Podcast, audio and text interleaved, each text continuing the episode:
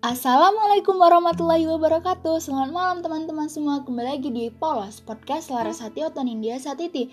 Kali ini saya akan menjawab pertanyaan dari bagaimana cara meredam kegaduhan dalam demokrasi di Indonesia di mana demokrasi secara etimologis berasal dari bahasa Yunani, yaitu dari kata demos yang berarti rakyat dan kratos yang berarti pemerintahan, ataupun kratien yang berarti memerintah.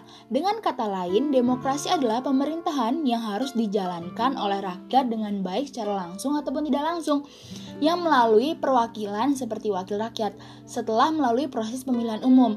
Menurut laporan The Economist Intelligence Unit atau IU, Indeks Demokrasi tahun 2020 di mana Indonesia mencatat skor terendah selama 14 tahun terakhir. Nah, sedangkan Norwegia menjadi negara dengan indeks demokrasi tertinggi e, dunia yaitu sekitar 9,81.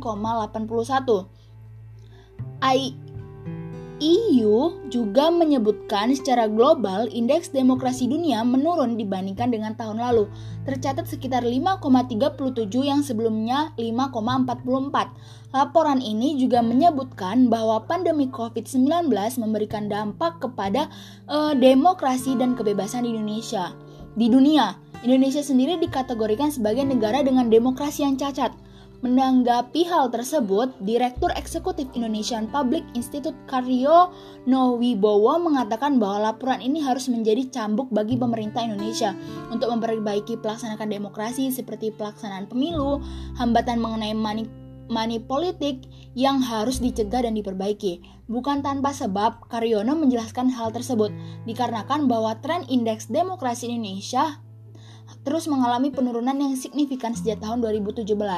Nah, sehingga cara kita untuk meredam kegaduhan dalam demokrasi di Indonesia yaitu dengan cara memperbaiki sistem demokrasi di Indonesia dengan menggunakan sistem ataupun prinsip demokrasi yang diimbangi oleh literasi politik dan pengetahuan yang baik.